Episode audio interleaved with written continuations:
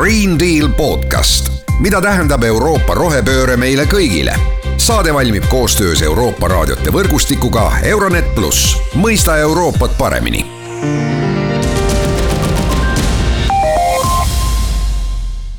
tere, head Green Deal taskuhäälingu kuulajad, mina saatejuht Mart Valner ja nagu ikka, räägime keskkonna ja kliima teemadel. täna räägime sellest, mille pärast tundub või mille pärast on niimoodi, et kliimaliikumist suuresti maailmas veavad naised.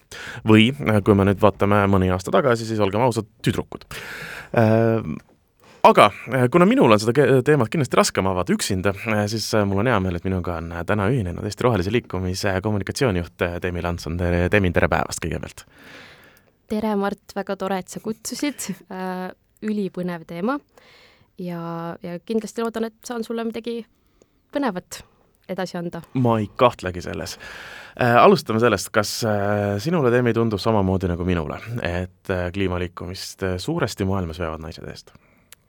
Jah, tõesti, kui ma nüüd selle peale mõtlema hakkasin, siis äh, kui vaadata ainuüksi enda kolleege Eesti Rohelises Liikumises, et seal on ju enamus naisi.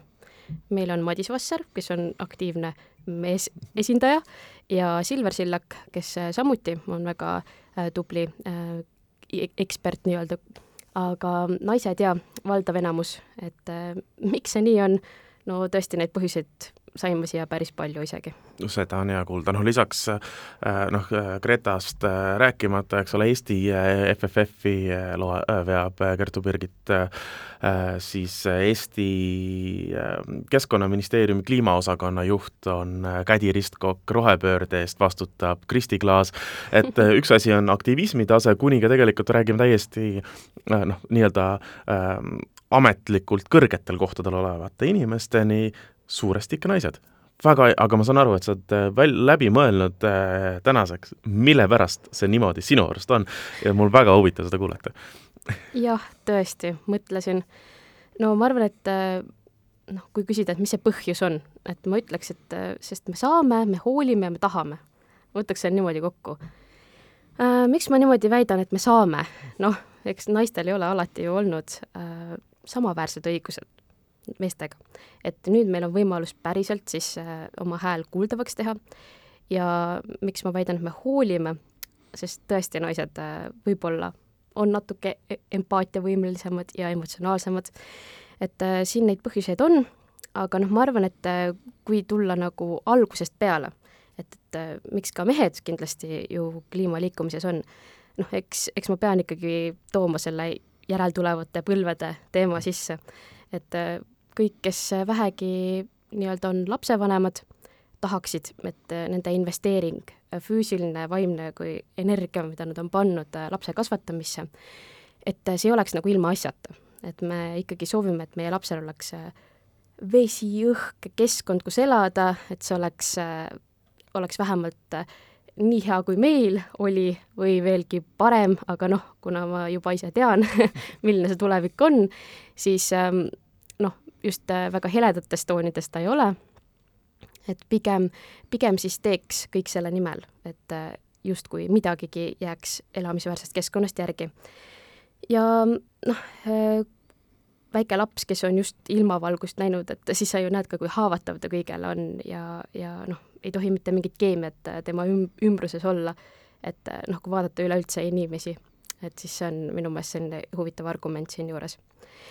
ja noh, miks ma väidan, et naised võib-olla on natukene empaatiavõimle, võimelisemad ja emotsionaalsemad, no me tõesti hoolime oma lastest, ei jätaks mitte mingil hinnal neid kuhugi niisama, et äh, tegutseks selle nimel, et, et neil oleks kõik hästi.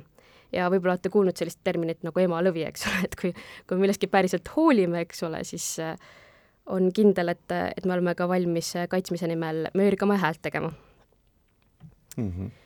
Et äh, jah, need on kaks esimest põhjust, aga mul on vähemalt äh, kolm tükki veel. sul on vähemalt kolm tükki. ma muidugi oma poolt äh, tahaksin, tahaksin, kuidas ma ütlen, see kõlab nagu emad hooliksid ja isad ei hooliks natukene, aga ma, ma siin nagu, nagu julgeksin ikkagi tugevalt selles osas vastu vaielda, et, et eks ka isad hoolivad oma lastest ja oma tuleva ja sellest maailmast, mis nad, mis nad neile jätavad, et olles, olles ka ise kahe lapse isa, siis ma ütleks, et samas on mingisugused põhjused veel lisaks, miks äh, sina oled äh, plakatiga tänava peal käinud ja mina olen äh, noh, kui mõned üksikud korrad välja arvata, siis oluliselt turvalisemast kaugusest võib-olla raporteerinud, et näed, need inimesed on jälle plakatiga väljas.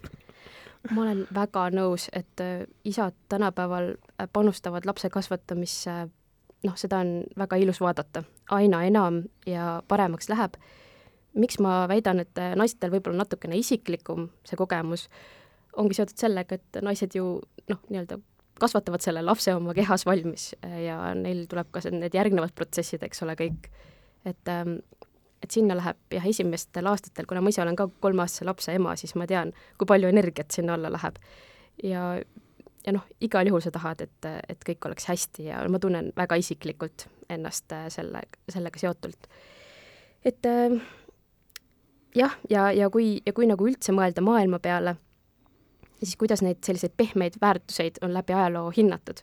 et, et noh, naised on nagu sellises rollis, et nad peaksid siis olema need inimesed, kes äh, kasvatavad lapsi, hoiavad kodu, äh, punuvad pesa nii-öelda, et kõik need sellised pehmed väärtused ei ole, ei ole nii hästi võib-olla ühiskonnas meil praegu äh, tähtsustatud kui võib-olla selline tähtis tööpost kuskil suurfirmas ja nii edasi et äh, need on nagu sellised iseenesestmõistetavalt asja, mõistetavad asjad, mis on taustal, samamoodi on tegelikult ka loodusressurssidega. et me vaatame, eks ole äh,, et äh, jah, meil on olemas, eks ole, loodus äh,, meil on olemas mingisugused ressursid ja neid kasutatakse ju samamoodi äh,, lihtsalt võib-olla võetakse iseenesestmõistetavalt. et äh, ma arvan, et naised on natukene seal sarnases paadis ja noh, äh, Eesti Rohelise Liikumisega me natukene oleme seda teemat puudutanud, et äh, see termin tegelikult on ökofeminism, mis sellest siis räägib. ja, ja kui keegi tahab, siis loomulikult selle kohta on võimalik äh, lähemalt uurida, aga, aga minu meelest see oli väga põnev, et eriti kui me suvel olime just seal Arvamusfestivalil, siis Lilian Pungas on see inimene, kes, kes sellest lähemalt rääkis. ja tõesti, emana ma tunnen, et, et noh, näiteks kas või hea näide, et laps on haige, kes jääb lapsega koju jääb ju tegelikult ema ikkagi muidugi see ei ole reegel, on, on teistsuguseid perekondi, aga, aga noh, hoolimata siis sellest, kas sellel emal võib-olla on töökoht, et, et naised peavad väga palju vastutama ja nad on pandud mingisse rolli. et noh, igal juhul võib-olla tasub seda natukene lähemalt uurida, kui huvi pakub seda ökofeminismi just. no minu meelest on tehtud ka uuringud, kui mitu miljardit äh, on nii-öelda maksmata sotsiaalset tööd, mida naised teevad äh, kodus, kui arvestada see energiakulu ja aeg, mis sellele kulub, kui sa arvestada kas palgaks või selleks, kui palju sa maksaksid selle teenuse eest. et see on iga-aastaselt miljardid ja miljardid eurod. absoluutselt ja väga vähe väärtustatud, ma ütleks, tänapäeva ühiskonnas äh, noh, äh, oleneb ka muidugi, kus sa nii-öelda sündinud oled mm, -hmm. et arengumaades kindlasti on see asi teistmoodi kui meil siin Eestis ja äh, no siit ma võib-olla jõuangi järgmise punkti juurde tegelikult, et et, et naised on tegelikult natuke vähem kindlustatud kui mehed. ja noh, selle võrra nad tunnevad end ohustatumana. et näiteks noh, kujuta ette, et kui sa oled kuskil arengumaas, ema, kolme lapse ema näiteks, ja sinu elukaaslasega juhtub midagi. ja sa oledki kogu oma elu näiteks võib-olla kümme aastat pühendanud lastele. sa ei olegi jõudnud seal mingisugust tagalat endale tekitada ja oletame, et tuleb, eks ole, mingisugune kliimaanomaalia või, või mingisugune tsunami ja su kodu on päevapealt äh, maa pealt pühitud. et äh, millised väljavaated sellel naisel on? et äh, noh, mi-, ikkagi julgen väita, et miljonid, miljonid inimesed üle kogu maailma ikkagi nende probleemidega silmitsi seisavad. ja eks, eks see põhjus ongi sügavalt isiklik sageli, ka minul tegelikult, miks ma üldse kliimaliikumisega liitusin. et noh, oled ikka see naine, kes, kes on olnud kartuli võtmise juures ja elanud looduses, äh, on oma mingi väike metsatukake ja siis äh, naaber otsustab, et ta võtab oma metsa maha lihtsalt. ja vaatad, et sinu metsatükike on nüüd seal järgi, aga kõrval on lageplats, et noh, see on selline isiklik äh, selline vimm tekib nagu ja, ja see ongi see, mis paneb nagu tegutsema, et kindlasti ma arvan, et paljud naised omavad ka sellist isiklikku kogemust. et, et ka need, kes arengumaades, Eestis, kus iganes, et vahet ei ole. ja naised tõesti, nad kannatavad sageli kõige enam kliimamuutuste pärast jah, see on ka uuringutega ju välja toodud, ka Oxfami viimane raport, mis eelmisel aastal või oli selle aasta alguses, ma nüüd nii täpselt äh, siin detsembrikuus on juba neid aastaid keeruline öelda äh,, äh, tõi välja, et äh, kliimamuutused äh, iga-aastaselt äh, tähendab igapäevaselt äh, kliimamuutuste tõttu sureb äh, kümneid tuhandeid inimesi ja enim kannatajad on naised ja lapsed just nimelt. Et ja just nimelt arenguriikides ja, ja seetõttu, et neil ei ole seda turvavõrku.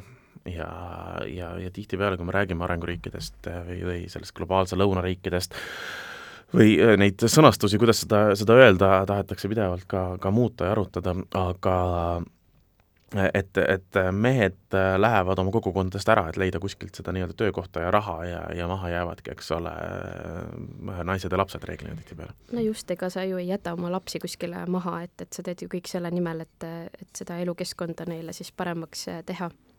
ja, ja see on tõesti selline väga kurb reaalsus, aga, aga nii on mm. -hmm. Teemi, kas ma, kas ma, kui ma, kui ma võtan su sellised need põhjused äh, enda peas kokku, kas siis äh, sa leiad, et põhjus on see, et naistel on neid taustsüsteemi ja taustpõhjuseid, miks olla kliimaliikumises aktiivsed, äh, lihtsalt äh, nii palju rohkem ja seetõttu me näemegi, et kliimaliikumist naised veavad äh,, mitte me ei räägi siin äh, isikuomaduste eripäradest või mis iganes muust ma arvan, et jah, äh, kindlasti, võib-olla natukene on ka neid isikuomadusi, on ju. aga see vist on per inimene, eks ole, ka isikuomadused on isikus. ja, ja et, et ka mees võib olla väga emotsionaalne ja empaatiline ja nii edasi, et, et noh, jah, ma usun, et, et naistel on ka selline kaasasündinud oskus olla emotsionaalne ja empaatiline, aga, aga jah, et, et üldiselt on sul õigus täiesti. aga kas see on okei okay?? Äh, kas, kas, kas see ongi normaalne, et, et naised siis äh, kliimaliikumist eest veavad, äh, mehed, kellel on, kes oma maailmavaadet faktidele põhinevalt siiski seavad, on selle kliimaliikumisega kaasas ja me ei peagi seda muutma või on kuidagi, või, või võib siin tekkida ka mingisugune probleemi koht, et, et ühel hetkel nagu väga lihtne oli luua narratiivi, et oh, mida need lapsed räägivad, las suured inimesed arutavad omavahel, mis nüüd noh, suured inimesed kõik ju samale järeldusele kõluvad lugeda IPCC raporteid näiteks, äh, äh, et, et ühel hetkel jõutakse ka mingi samale nar-, äh, järeldusele, et noh, mis need naised sellest kliimast räägivad, las need mehed arutavad. või, või, või ei ole see probleemi koht meil praegu? ma arvan, et naine ja mees ikkagi täidavad oma täit potentsiaali siin maailmas, kui nad töötavad koos. et võib-olla tõesti see on natuke rohkem naiste teemaks praegu jäänud, aga aina rohkem on ka mehi, kes võib-olla on palju suurema pildiga ja ma arvan, et, et eks lõpuks me ikka peame selle probleemi ju kõik koos ära lahendama, et siin ei ole üks või teine.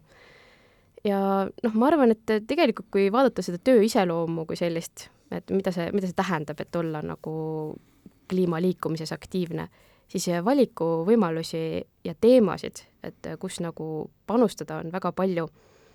ja, ja noh, mulle meeldib see, et, et see töö on selline natukene vabam. et äh, näiteks kui ma olengi noh, lapsega ema, siis äh, noh, meil on valdavalt projektipõhine töö, me saame valida, äh, meil ei ole nine to five ja, ja sellepärast on, on see selline mugavam ja, ja maailm ongi, ma arvan, sinnapoole teel praegu, et, et, et noh, inimesed ei taha enam seda sellist rusuvat töökeskkonda, nad tahavad olla vabamad, otsustada ise ja, ja miks mitte ka mehed, eks ole, et ma usun, et teie olete ju samamoodi väsinud ja, ja küll me siis lõpuks leiame mingi sellise äh, koos toimimise võimaluse ka, et, et kõigil oleks hästi. ma, ma arvan, et me leiamegi, küsimus on, kas maakeral on piisavalt palju aega muidugi, et me jõuaksime selle koha, et kõigil oleks hästi. Äh, ma hakkasingi mõtlema, et võib-olla see kliimaliikumine on äh, on selles mõttes võiks või peaks olema natukene äh, aegunud väljend juba, et see, see peaks olema lihtsalt mitte mingisugune üks liikumine, vaid see on norm ja iga, igasugune äh, selle vastane tegevus on selline alternatiivne liikumine, et norm peaks olema see, et kõik inimesed mõtlevad, kuidas me kliimamuutustega kohaneme ja veel äkki on võimalik ka mõelda, kuidas me nendega, kuidas me nendega võitleme, eks ole. jaa, väga nõus väga hea, aga Demi, aitäh täna tulemast, rääkimast ja natuke naisi ja kliimaliikumisi avamast ja loodetavasti edu siis Eesti rohelisele liikumisele ja mul on hea meel, et teie seda Eestis ikkagi ka tugevalt eest veate. aitäh! Green Deal podcast, mida tähendab Euroopa rohepööre meile kõigile.